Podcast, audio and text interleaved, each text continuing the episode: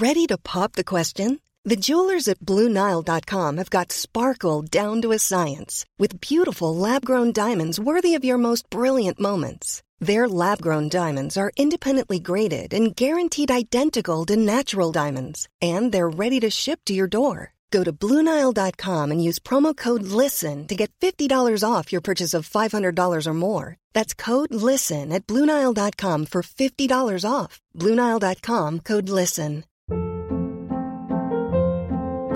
Hold up. What was that? Boring. No flavor. That was as bad as those leftovers you ate all week. Kiki Palmer here, and it's time to say hello to something fresh and guilt-free. Hello Fresh. Jazz up dinner with pecan-crusted chicken or garlic butter shrimp scampi. Now that's music to my mouth. Hello Fresh. Let's get this dinner party started. Discover all the delicious possibilities at hellofresh.com. Life is full of what ifs. Some awesome, like what if AI could fold your laundry? And some, well, less awesome, like what if you have unexpected medical costs? United Healthcare can help get you covered with Health Protector Guard fixed indemnity insurance plans. They supplement your primary plan to help you manage out of pocket costs. No deductibles, no enrollment periods, and especially no more what ifs. Visit uh1.com to find the Health Protector Guard plan for you.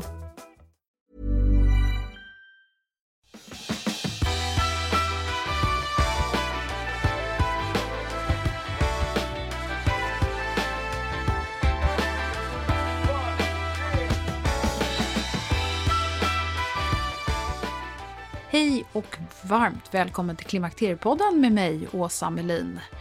Inspiratören Susanne Dahlseth har hörts i Klimakteriepodden förut. Hon har en väldigt jordnära och enkel filosofi kring att motivera till livsstilsförändringar och hon tror inte på de här radikala uppläggen som blir mer bestraffning än njutning. Alltså ohållbara och jag har ett färskt exempel på det. Min granne hon började nyligen hos en PT och hon ville komma igång, få ett bra program och hon skulle kunna liksom köra det här på egen hand. Så köpte hon fem gånger för att få fart och känna sig trygg med övningarna. Hon tyckte att det var dyrt som tusan men såg det som en investering och ett bra sätt att bli peppad och komma igång. Efter första gången så var hon helt ledbruten. Alltså hon kunde knappt gå upp för trappen. Så mycket träningsverk. Alltså ärligt, hur peppande är det? Jag tänker ju att hela kroppen och hjärnan måste ju bara skrika nej så fort det där gymmet står på agendan. Jag håller så med Susanne om att det är mycket bättre att starta mjukt och bygga på när det gäller träning. Men vi ska ju också i det här avsnittet tala om kost och andra bitar som kan vara väldigt belönande om man får rätt motivation och kommer igång och inte misslyckas. För att det är ju det som kanske är hela grejen. Ofta misslyckas vi och vad beror det på? Jo, men Susanne hon har det här ödmjuka lågtröskeltänket eftersom hon själv varit en gravt överviktig soffpotatis.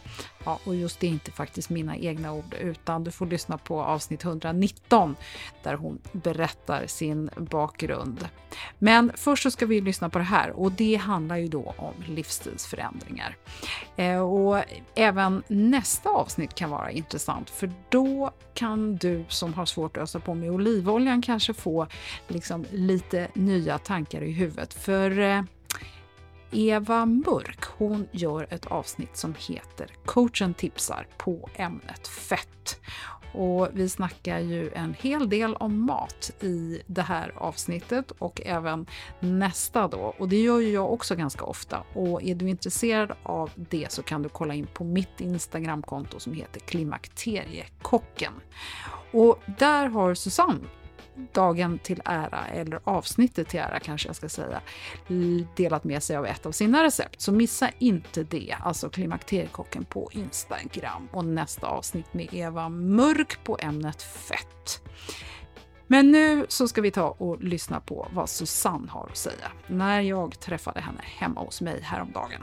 Och nej, jag drog inte in den i min garderob, det slapp hon. Och eh, en sak som jag bara tänkte jag skulle berätta här, för det är så otroligt imponerande. Vi pratade en del om Ironman som Susanne har tävlat i och för den som inte vet så är det en kolossal bedrift att eh, på samma, eh, ja, samma dag naturligtvis, eh, simma ungefär 4 kilometer, springa ett maraton och däremellan cykla 18 mil. Ja, du hör ju själv, det här är ingenting som man eh, startar sin hälsosatsning med. Så hur som helst, välkommen att lyssna.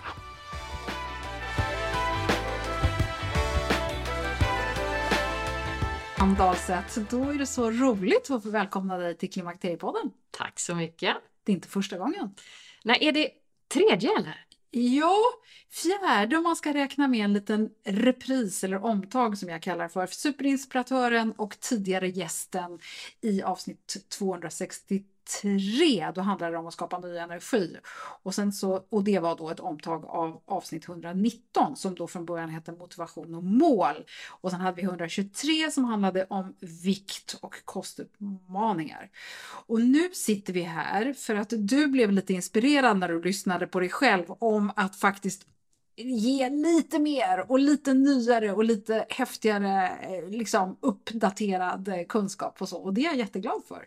Så berätta, hur tänkte du då? Vad var det som triggade dig att vilja ge mer? Ja, men det första var ju att jag tänkte på då när du och jag träffades för första gången. Det är ju ganska många år sedan och jag hade ju då förmånen att få lyssna på en, en föreläsning med dig. Och då var jag ju själv inte ens inne i förklimakteriet. Men jag vet att jag tyckte att det var spännande och jag kunde känna mig nyfiken på hur det skulle se ut för mig framåt. Vad skulle hända med mig?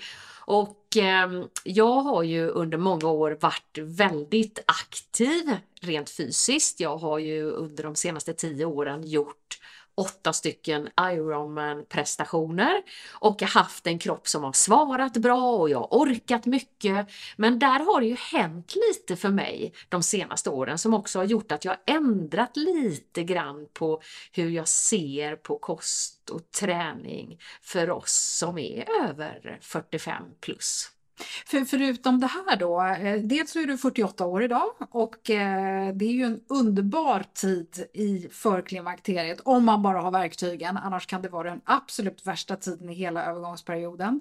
Vi ska komma tillbaka till det. Men eh, om vi nu tänker på dig som som person så är ju du också, du har ju alltid jobbat med kost och hälsa och det har ju varit din specialitet. Du har ju varit coach i över 20 år nu. Berätta vad är det du har jobbat med och hur har du ändrat din din verksamhet? Ja men precis så är det ju. Jag har konstaterat det häromdagen att jag har jobbat som coach inom kost, hälsa, träning, mål och motivation i över 22 år. Och eh, min inriktning och mitt specialområde har ju varit viktminskning.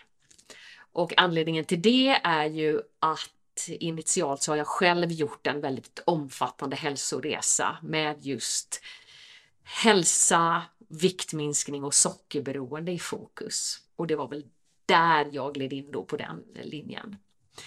Och sen eh, har det ju hänt mycket genom åren såklart att eh, den coachen jag var när jag var 25 år gammal är jag kanske inte nu när jag är 48 år gammal utan nu har jag ju en större ödmjukhet för att alla människor är en unik individ och det är därifrån man alltid måste börja bygga när man ska hitta sitt sätt att äta rätt och motionsvanor som håller.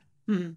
Men sen har ju du också gått lite grann från, det kanske var pandemin som gjorde att du också var tvungen att skruva lite på dina sätt att ta emot klienter och det, du jobbade ju jättemycket med föreläsningar, jobbade mycket ute på stora företag och inspirerade och jobbade mycket med motivation och så vidare.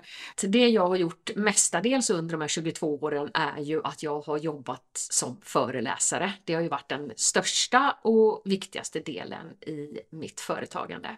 Men sen kom det en pandemi och och från en dag till en annan så ställdes det mesta in. Och eh, då tvingades jag ju att stanna upp och fundera lite över vilka nya vägar som jag kunde ta i mitt coachande. Och jag har ju alltid i alla år haft ett sånt brinnande intresse för varje unik individ. Och jag har ju otroligt lång erfarenhet av hur får man människor att lyckas med sina livsstilsförändringar. Vilka faktorer är det man behöver jobba med för att få ett resultat och också hålla det resultatet? Så allt mitt föreläsande, min långa erfarenhet paketerades ner till ett koncept som heter Du nu. Det är ett 12 veckors program där man också både tränar och träffar mig fysiskt och det konceptet bedriver jag ju då i Jönköping. Men nu har jag också ganska nyligen bestämt mig för att eh, också satsa på alla de här framförallt kvinnorna som vill ha hjälp och support kring kost, hälsa och träning även online nu då. Mm. Och du, berätta, jag vill komma tillbaka lite till det här med din egen inställning till det här med klimakteriet. För att jag vet ju att merparten av de kvinnor som du coachar är ju i någonstans i den här övergångsfasen. Och du själv, vi pratade lite här innan, du sa så här, det är lite spännande för mig att förstå. Men det som hände för mig egentligen var att jag själv började notera saker kring mig själv, min energi, min återhämtning efter träning, min sömn. Och jag kan väl säga att detta skedde ja, kanske för två år sedan ungefär. Innan har jag, jag har kunnat köra på med träning, jag har kunnat träna min Ironman-träning. Jag har kunnat slarva lite grann med sömnen, det har inte spelat så stor roll. Jag har haft en otroligt bra karaktär när det handlar om att inte fastna för att äta sötsaker och det är, har varit så mycket i mitt liv som det har inte krävt så mycket viljestyrka utan det har nästan gått per automatik. Och det som hände för cirka två år sedan var att det kändes som att det blev lite gnissel i maskineriet. Jag märkte att när jag tränade så krävde jag längre återhämtning. Jag märkte också att eh, min sömn började hacka jag sov inte så bra och när jag inte sov så bra så spillde det över på att jag hade inte riktigt samma karaktär med min kost och jag orkade inte riktigt min vardag på samma sätt som jag brukade göra tidigare. Men här hade jag ju då en hel del verktyg, alltså klockan började ju ringa hos mig. Jaha, nu är jag på riktigt på väg in eller är i förklimakteriet och vad har jag för verktyg att jobba med nu? Där behövde jag ju stanna upp och tänka till. Mm. Och backa hem kallar du det för, det så klokt. Backa hem, precis så. Jag kan ta ett exempel som det, som var en riktig en sån aha-upplevelse. Jag hade sovit väldigt dåligt. Jag har ju alltid varit en person som har förespråkat att vill du ha mer energi så tänk på vad mycket träning gör. Ut och höj pulsen så kommer du bli piggare. Men den här gången blev det kontraproduktivt för mig och det var en aha-upplevelse. Jag hade sovit uselt. Jag hade ont i huvudet, jag kände mig lite okoncentrerad och så försökte jag då anamma mitt eget råd om att ge mig ut och springa. Nästan tvingade på mig löparskorna, försökte få fram någon form av energi. Det gick inte. Det, liksom, kroppen ville inte. Jag kommer ihåg att jag nästan fick så här, lite frossa på mina armar och eh, pulsen blev skyhög och jag bara avbröt det passet och bara nej, idag behöver jag gå hem och bara vila. Och det var, då blev det också att det behövde bli en acceptans för mig att okej, okay, nu behöver jag lära mig någonting av detta. Nu behöver jag förstå att jag är äldre nu. Det går inte riktigt att bara att köra på utan precis som du sa, jag behövde backa hem och tänka i nya banor. Och, och, din syn på de här kvinnorna som då du har coachat tidigare när du var yngre och starkare om jag nu får säga så inom situationstecken. Jag kan uppleva att du kanske är starkare nu för att du har den kunskapen och en bredare insikt.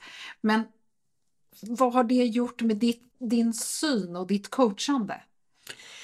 Ja, jag har ju en otroligt mycket mer ödmjuk syn på varje kvinna som jag coachar.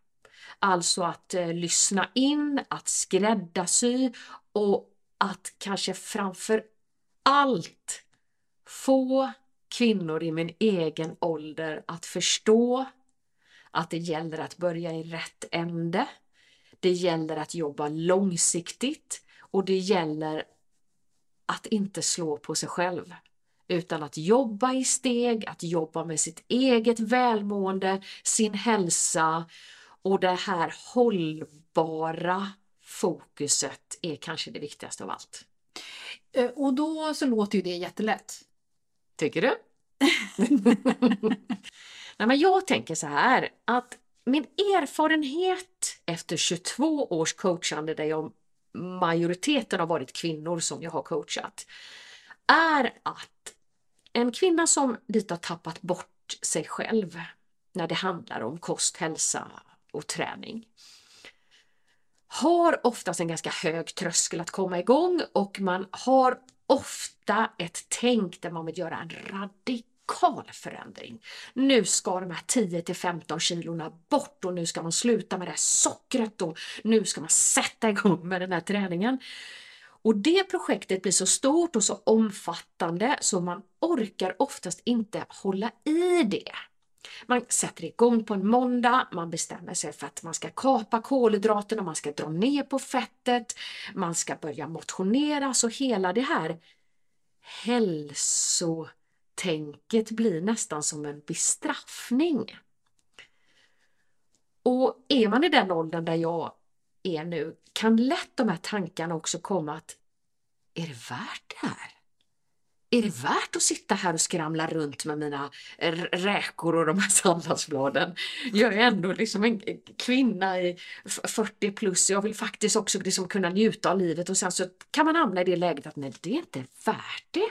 Och så lägger man ner, men sen kommer det här dåliga samvetet igen. Man kommer på att man trivs inte med sin kroppsvikt, man vet att man behöver motionera lite mer och så börjar man om. Så där är ju min poäng då att när du har viljan att komma igång, låt det bli som ett mantra för dig själv att det är tid, det är tålamod och det är kontinuitet. Och det viktigaste är att du börjar och tar dina första steg. Och då tänker jag att vi ska vara lite konkreta då. Eh, för du är ju väldigt tydlig när du coachar och när du talar generellt. Väldigt inspirerande också måste jag få lägga till. Vi är många som liksom tänker att ja, men vad är att äta rätt? Jag vet många, många vet ju inte ens vad kolhydrater, är skillnaden mellan kolhydrater och protein är och de flesta av oss kanske förstår då också när man tittar på ett innehållsförteckning att det är både proteiner och kolhydrater och i det mesta vi äter. Så det blir väldigt, det där blir så diffust. Så berätta, hur ska man tänka bara kring kost? Ja, för det första kan jag säga att bara det du sa nu, det här med att eh, känna till kolhydrater och proteiner och hela den grejen. Jag är inte ens säker på att det behövs. Till och med det kan jag tycka är att överarbeta och jag ska ta ett exempel. Vi säger jag träffar en kvinna, hon vill gå ner i vikt och hon vill äta bättre. Och då vänder jag frågan till henne och frågar vad, vad, vad känner du själv? Vad, vad, vad är det, det viktigaste som du tror att du behöver börja fokusera på? Och då det, har det aldrig hänt att någon har sagt att den vill lära sig vad kolhydrater är. Mm. Utan då kommer oftast det här att nej, jag behöver eh, hitta vägar ur mitt sockerberoende, jag behöver dra ner på det här med fikabröd, jag behöver äta mer hel och ren mat. Alltså väldigt många människor sitter inne med sina egna svar. Och då är det återigen i den änden du börjar. Alltså, du börjar med det som är så tydligt för dig själv. Du vet med godiset, du vet med fikabrödet. Det är i den änden du börjar. Och då när man har gjort det här första steget som vi pratade om då, man har, man har lyft fram för sig själv att de här delarna, här ser jag i min kost. Och här behöver jag inte liksom ha alla mina onda eh, ting. Utan det räcker med att jag staplar upp dem kanske värsta boven eller jag hittar på någonting i alla fall som jag skulle vilja ändra. Precis så! De där tydligaste grejerna. Du behöver inte börja titta på om dina kalkonskivor innehåller socker eller om det är socker i ketchup eller om du råkar äta pasta någon, någon, någon dag. Det, det liksom, där börjar vi inte utan vi börjar alltid med det som är så tydligt så att det, det behöver inte någon kostcoach som ska tala om det för dig utan det, det ser du själv. Sen är min nästa grej och poäng med kost. Din mat, det ska inte vara din bestraffning utan det ska vara din njutning också.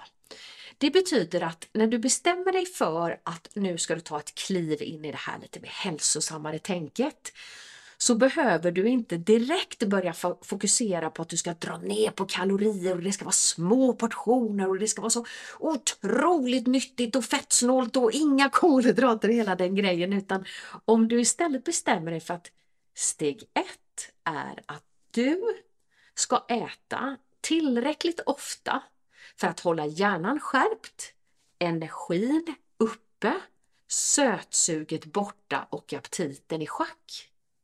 Sen får du svara på själv, hur många gånger är det för dig? Det finns de som äter tre gånger om dagen och mår väl av det. Det finns de som behöver äta sex gånger om dagen som mår mest väl av det. Men svaret på frågan hur många gånger du ska äta är det jag sa. Din energi, att hålla sötsuget borta och aptiten i schack.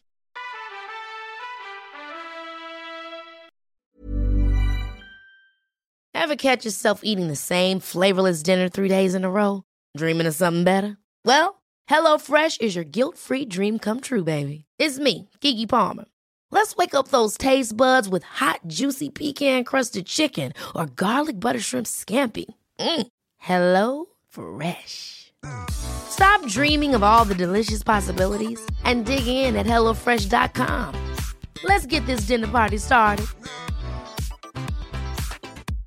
Hiring for your small business? If you're not looking for professionals on LinkedIn, you're looking in the wrong place. That's like looking for your car keys in a fish tank.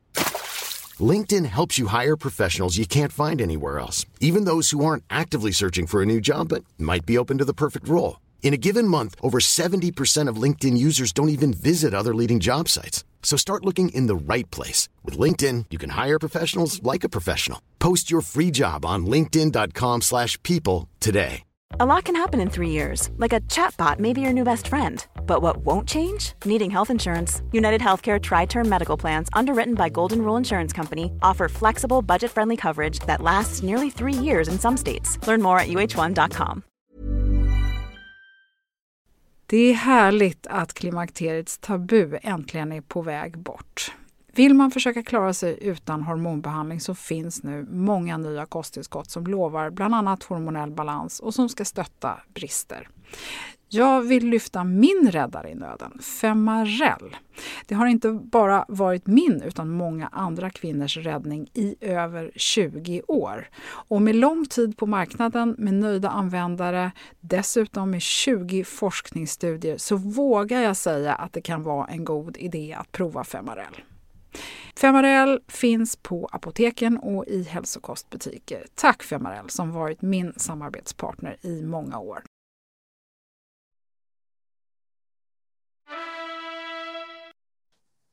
Och Susanne, då, då eh, har vi ju kommit ganska... Alltså bara här tror jag att många kvinnor aldrig har funderat på det här. För aptiten är där hela tiden. Man känner liksom så här, oh, jag skulle kunna stoppa något i munnen hela tiden. Där har du nästa poäng. Att ett väldigt vanligt misstag som faktiskt framförallt kvinnor gör är att när man ska påbörja sitt nya sunda liv så drar man stenhårt i kosten. Man försöker äta små portioner, man är lite rädd för fettet, man i dagsläget är också väldigt många rädda för kolhydrater. Man plockar bort de kokta potatisarna på lunchen som fyller en otroligt viktig funktion för mättnad. Så här har vi nästa grej. Då om vi pratar om, har dig som exempel då Åsa, så kan du ju nu tänka i ditt huvud, jaha du är personen som mår bäst av att äta fem gånger om dagen. Då har du din energi på topp. Ja, då är nästa steg, hur ska du äta för att du ska uppnå maximal mättnad. Alltså att du ska ändå kunna äta mat med stor volym som gör dig mätt och nöjd. Men utan att du får i dig alldeles för mycket kalorier om du inte är en person som tränar väldigt mycket. Och om jag skulle vända på den frågan och, säga det till dig att om du tänker att du skulle bygga en portion på din egen tallrik som du skulle gärna vilja känna som ett berg med, med mat. Vad tror du du skulle behöva ha mest av? Nu vet ju jag att det är grönsakerna. Ja. Och då pratar vi inte om isbergssallad utan då pratar vi om, jag kan säga ett, ett tydligt exempel på en grej som jag älskar. Jag brukar göra en sötpotatispytt för jag älskar sötpotatis. Men skulle jag bara äta sötpotatis så skulle jag förmodligen, för att jag är den personen jag är också med väldigt stor aptit, jag skulle kunna äta ett berg med sötpotatis som är jättebra men, men det är ju en del kolhydrater i som jag också då skulle behöva använda såklart. Men när jag gör min sötpotatispytt då adderar jag massa gr andra grönsaker såsom broccoli, såsom sparris, såsom spinat, såsom blomkål. Jag fyller ut den här sötpotatissalladen så när jag lägger den på min tallrik så är det ett berg med mat. Till den här salladen så adderar jag alltid någon form av ganska rejäl och ren proteinkälla. En kycklingfilé, någon fin fläskfilé, någon laxbit, någon torsk. För protein är också otroligt viktigt för maximal mättnad. Och i min värld så skulle jag heller aldrig äta äta fettfri mat och fett fyller ju också jätteviktiga funktioner i kroppen och hjälper också till med det här med mättnad. Så jag har alltid till den här sötpotatissalladen då så kanske jag har min kycklingfilé men jag har också alltid en klick eh, tzatziki eller någon eh, chili mayo eller något liknande. Så det blir som en komplett måltid som lämnar mig mätt och nöjd.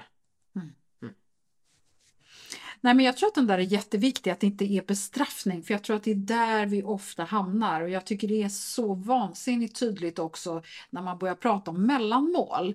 Att mellanmålen behövs ju egentligen bara när man har ätit för lite.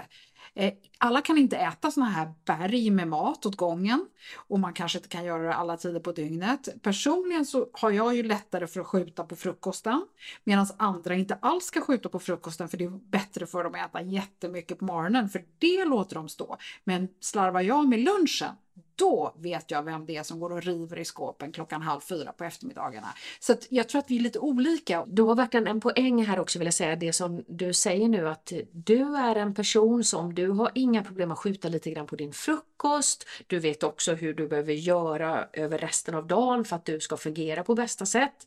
Jag är inte den personen. Jag är den där riktiga frukostmänniskan. Jag älskar att äta havregrynsgröt på morgonen, mina kokta ägg. Jag behöver också äta ganska regelbundet över dagen. Så hela den grejen att hitta sitt sätt att äta rätt är verkligen viktigt.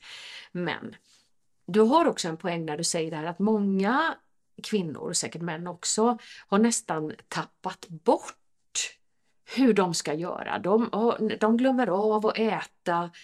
Men väldigt vanligt förekommande om man slarvar med maten över dagen är att det slår på kvällen. Mm.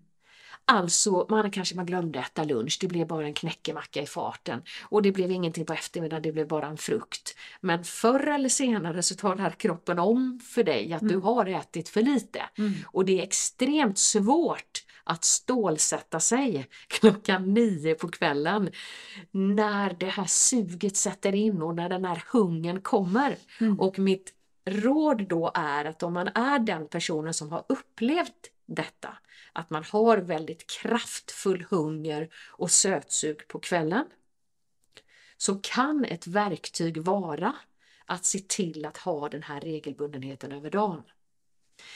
Och jag vet när jag gjorde min egen hälsoresa, det är ju väldigt många år sedan, men då, då vet jag att jag redan där konstaterade för mig själv att jag är en person som behöver äta någonting litet på kvällen. Jag har väldigt svårt för att sova hungrig. Och jag behöver få känna att det jag äter 21.30 någonstans ändå känns lite belönande. Det behöver inte vara choklad, det förstår jag. Det behöver inte vara mackor, det förstår jag också. Men när jag, får, när jag fick tipset själv att är du hungrig på kvällen så ta ett stort glas vatten. så vet jag att jag tänkte att det, det är ett straff för mig. Jag behöver få ta min kopp te och jag behöver få hitta det som fungerar för mig som inte känns som en bestraffning. Och här vill jag också säga att vad det är för dig, det är inte alls säkert att det är precis samma sak för mig. Om jag tar ett exempel här nu så kan det hända att du bara, fast det där skulle jag aldrig äta. Men jag vill ändå komma med någon form utav tips här. Jag gillar väldigt mycket keso till exempel, jag gillar kvarg också.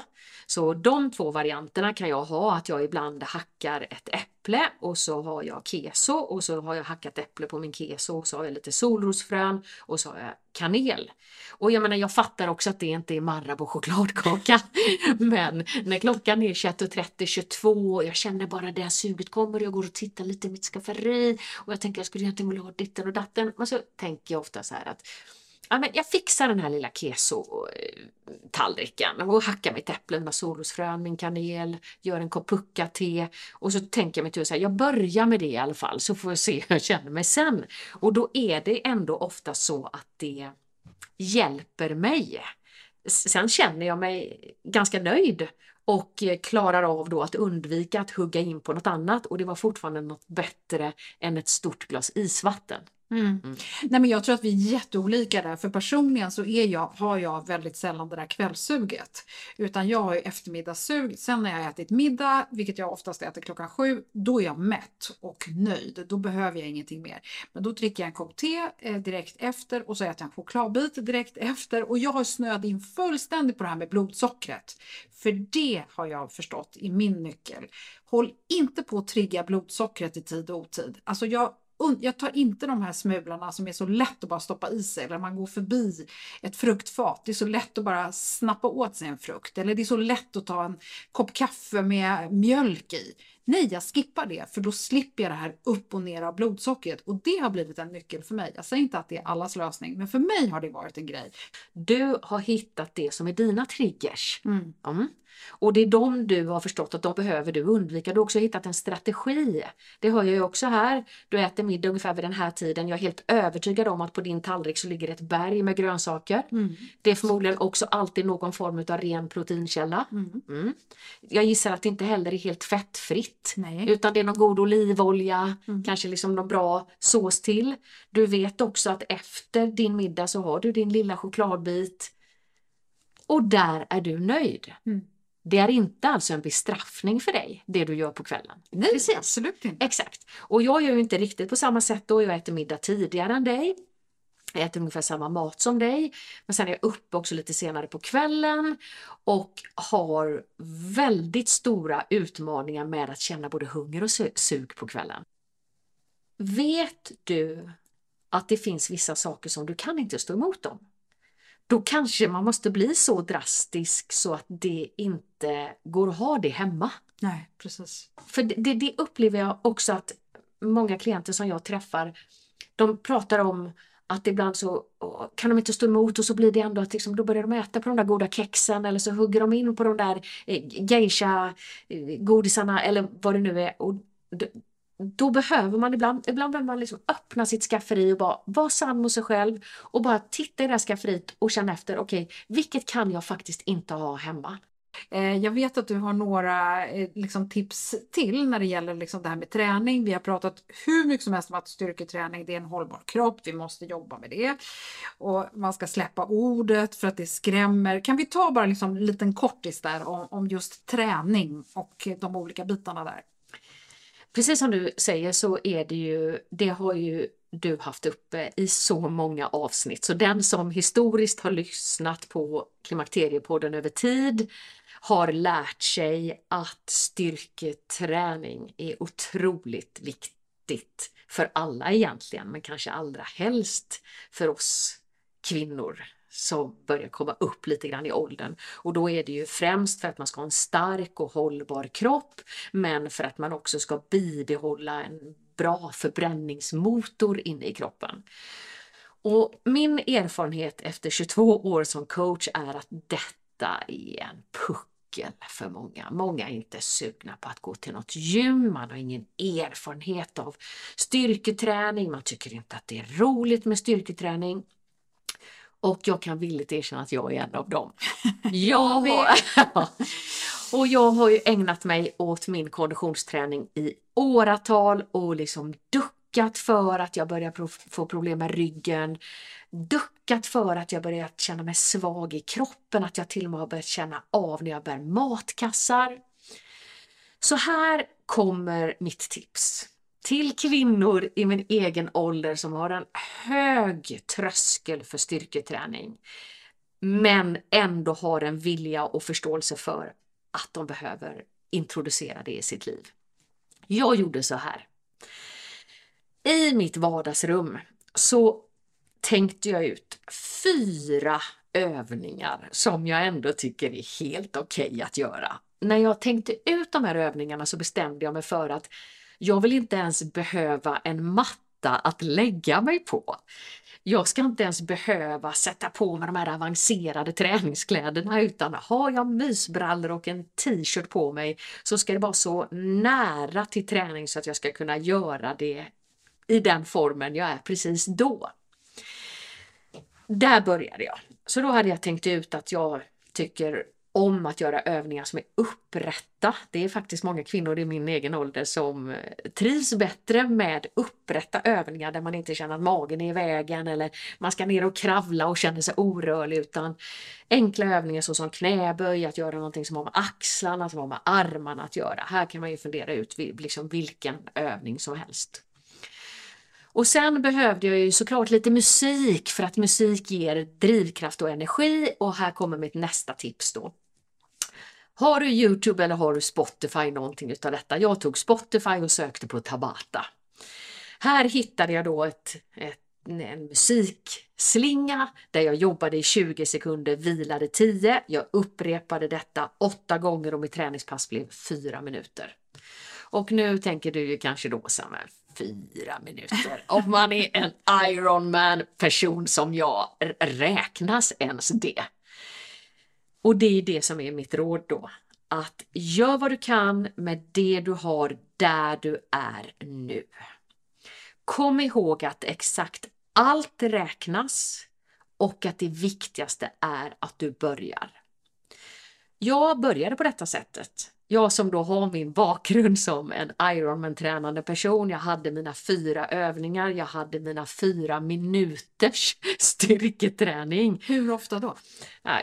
De första veckorna så gjorde jag det en gång i veckan. Ja. Ja. Men jag la ribban där, jag tänkte så här, jag lägger ribban här för jag tycker mycket om det här med winner effect. Mm. Alltså jag tycker mer om att berömma mig själv än att slå på mig själv. Mm. Och då var jag realistisk där och tänkte jag, jag, jag bestämmer en dag i veckan, onsdagar, och gör jag det fler gånger så är det en bonus.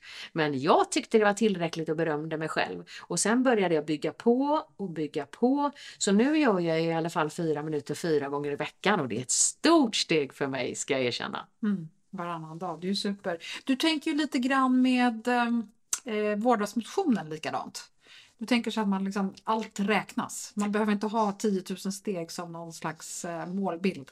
Nej, det är samma sak där att eh, här handlar det också om att bryta ner. Det har ju du förstått vid det här laget att jag är en förespråkare för att bryta ner och att börja i rätt ände och att bygga framåt.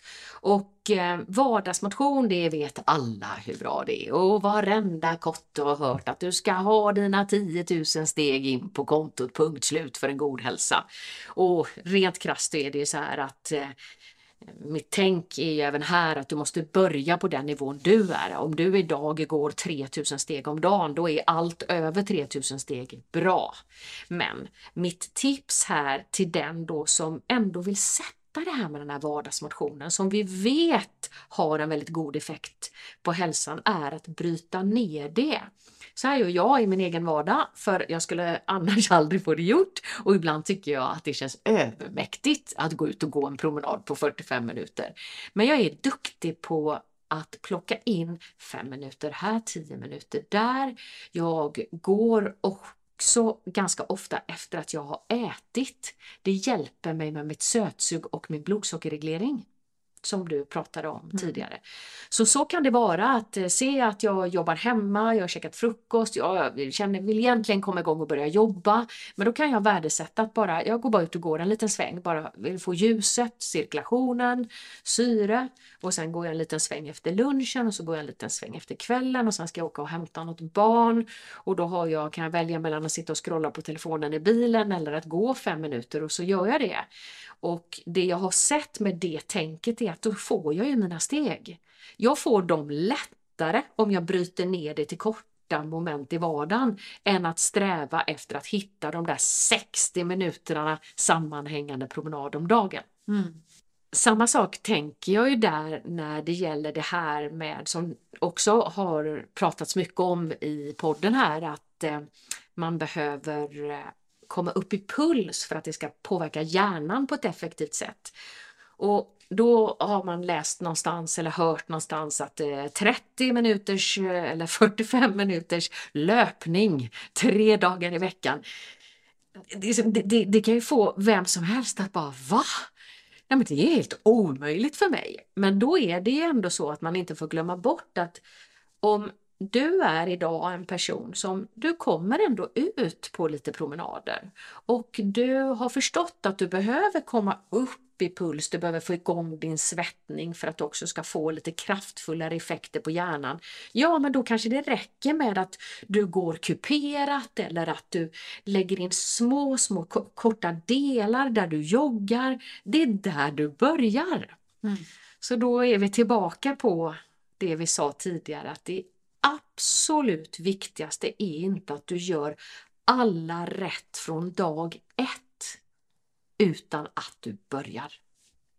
Och då vill vi ju veta eh, hur vi motiverar oss till det här. Mm. Och eh, det är ju så här att eh, det är kanske, det du sa nu är kanske just det som de allra flesta tycker är det svåraste, alltså att komma igång. Eh, steg ett är ju att backa hem och fråga sig själv, hur mår jag? Mm. Om man då kommer fram till att nej, jag känner mig trött, orkeslös, jag har ingen energi, jag sover dåligt. Då blir ju följdfrågan, vad skulle jag behöva göra för att påverka de här delarna i mitt liv? Och det svaret sitter garanterat de allra flesta inne på själva. Och sen blir tredje steget då, vart kan jag tänka mig att börja? Vad känns realistiskt? I vilken ände börjar jag? Men här kommer en grej som jag då vill tipsa om ur ett motivationsperspektiv. Att ibland kan ett effektivt verktyg för motivation vara att ha ett projekt man tar tag i.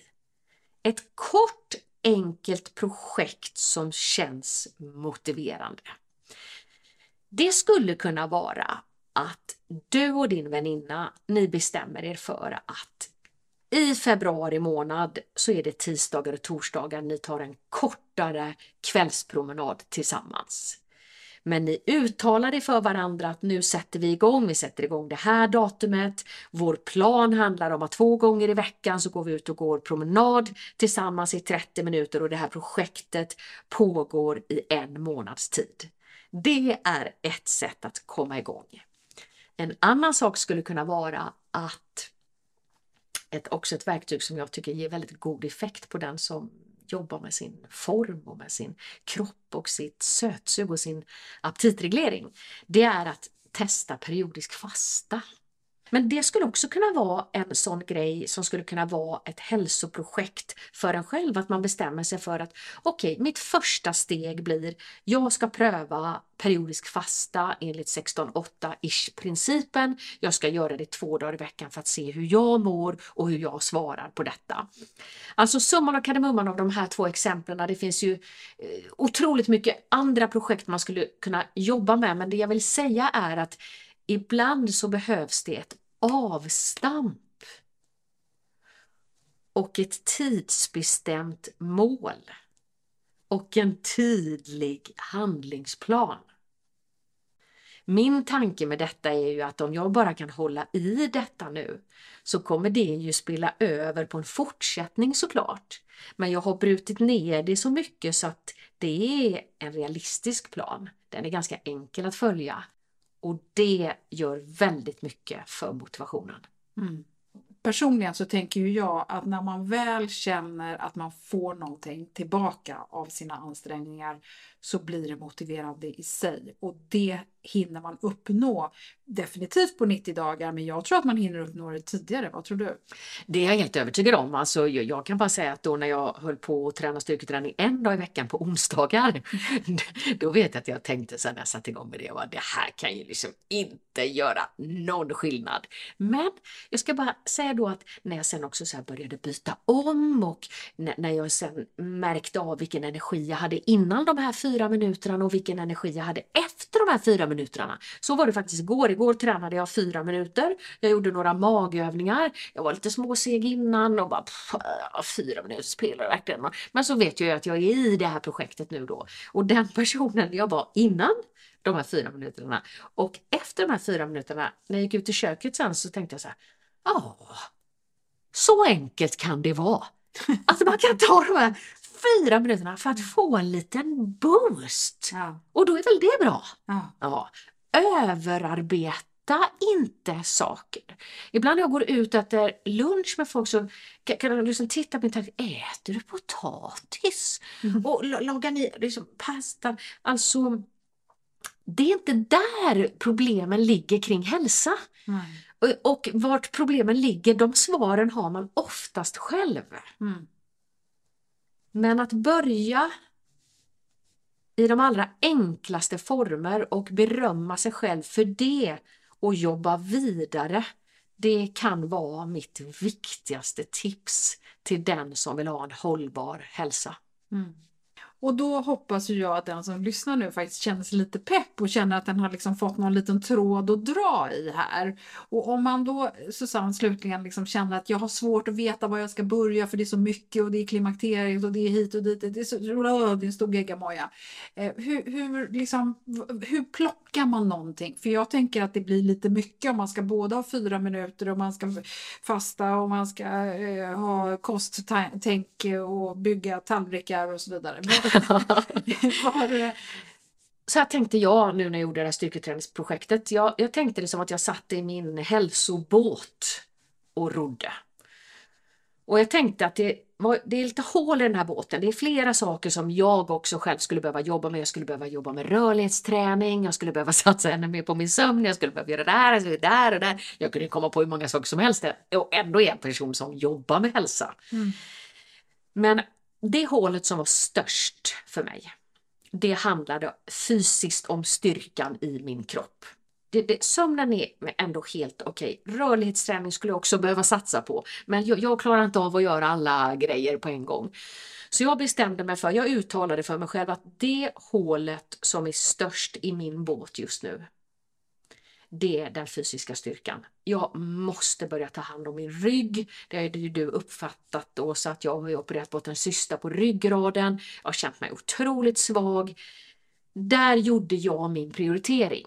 Mm. Jag kan rabbla miljoner grejer som jag behöver bli bättre på men jag är inte heller en person som kan göra 17 000 saker på en gång. Så slutgiltigt är mitt råd att i din hälsobåt och dina små hål. Vilket hål vill du laga först? Mm. Uttala det för dig själv och börja där. Mm. Susanne, om man eh, blir nyfiken på dig och eh, dina coachprogram så finns ju du och hur hittar man dig? Ja, men det, ja, först och främst så vill jag verkligen säga till alla dina lyssnare som det är så många som är i exakt den situationen som jag själv är, att man är varmt, varmt välkommen att höra av sig för att bara förutsättningslöst berätta om sin situation och eh, ställa frågor kring hur jag kan hjälpa till. För eh, det som jag också tycker är min spetskompetens, det är kvinnor i min egen ålder där det känns som att kroppen har låst sig. Det känns som att det spelar ingen roll vad jag gör, jag tappar inte ett hekto, jag blir inte av med mitt sötsug, jag får inte ordning. Här tycker jag att jag har många effektiva verktyg att hjälpa till med. Och eh, där man hittar mig det är på två ställen. Dels är det på Instagram. Där heter jag ju Ironman mamman, men man hittar ju när man söker på mitt namn också.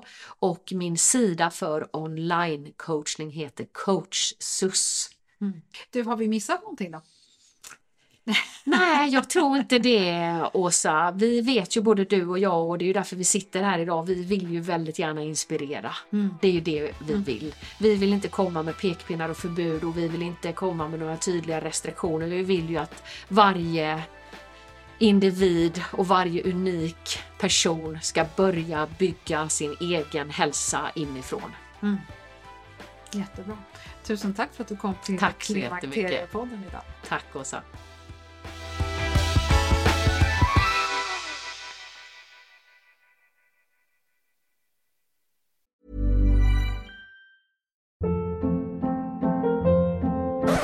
Hold up. What was that? Boring. No flavor. That was as bad as those leftovers you ate all week. Kiki Palmer here, and it's time to say hello to something fresh and guilt-free. Hello Fresh. Jazz up dinner with pecan-crusted chicken or garlic butter shrimp scampi. Now that's music to my mouth. Hello Fresh. Let's get this dinner party started. Discover all the delicious possibilities at hellofresh.com. This message comes from BOF sponsor eBay. You'll know real when you get it. It'll say eBay Authenticity Guarantee. And you'll feel it. Maybe it's a head turning handbag, a watch that says it all, jewelry that makes you look like the gem, or sneakers and streetwear so fresh every step feels fly. eBay gets it. So look for the blue check mark next to that thing you love and be confident that every inch, stitch, sole, and logo is checked by experts. With eBay Authenticity Guarantee, you can trust that feeling of real is always in reach. Ensure your next purchase is the real deal. Visit eBay.com for terms. Imagine the softest sheets you've ever felt. Now imagine them getting even softer over time. That's what you'll feel with Bowl and Branch's organic cotton sheets. In a recent customer survey, 96% replied that Bowl and Branch sheets get softer with every wash. Start getting your best night's sleep in these sheets that get softer and softer for years to come. Try their sheets with a 30-night guarantee. Plus, get 15% off your first order at bowlandbranch.com. Code BUTTERY. Exclusions apply. See site for details.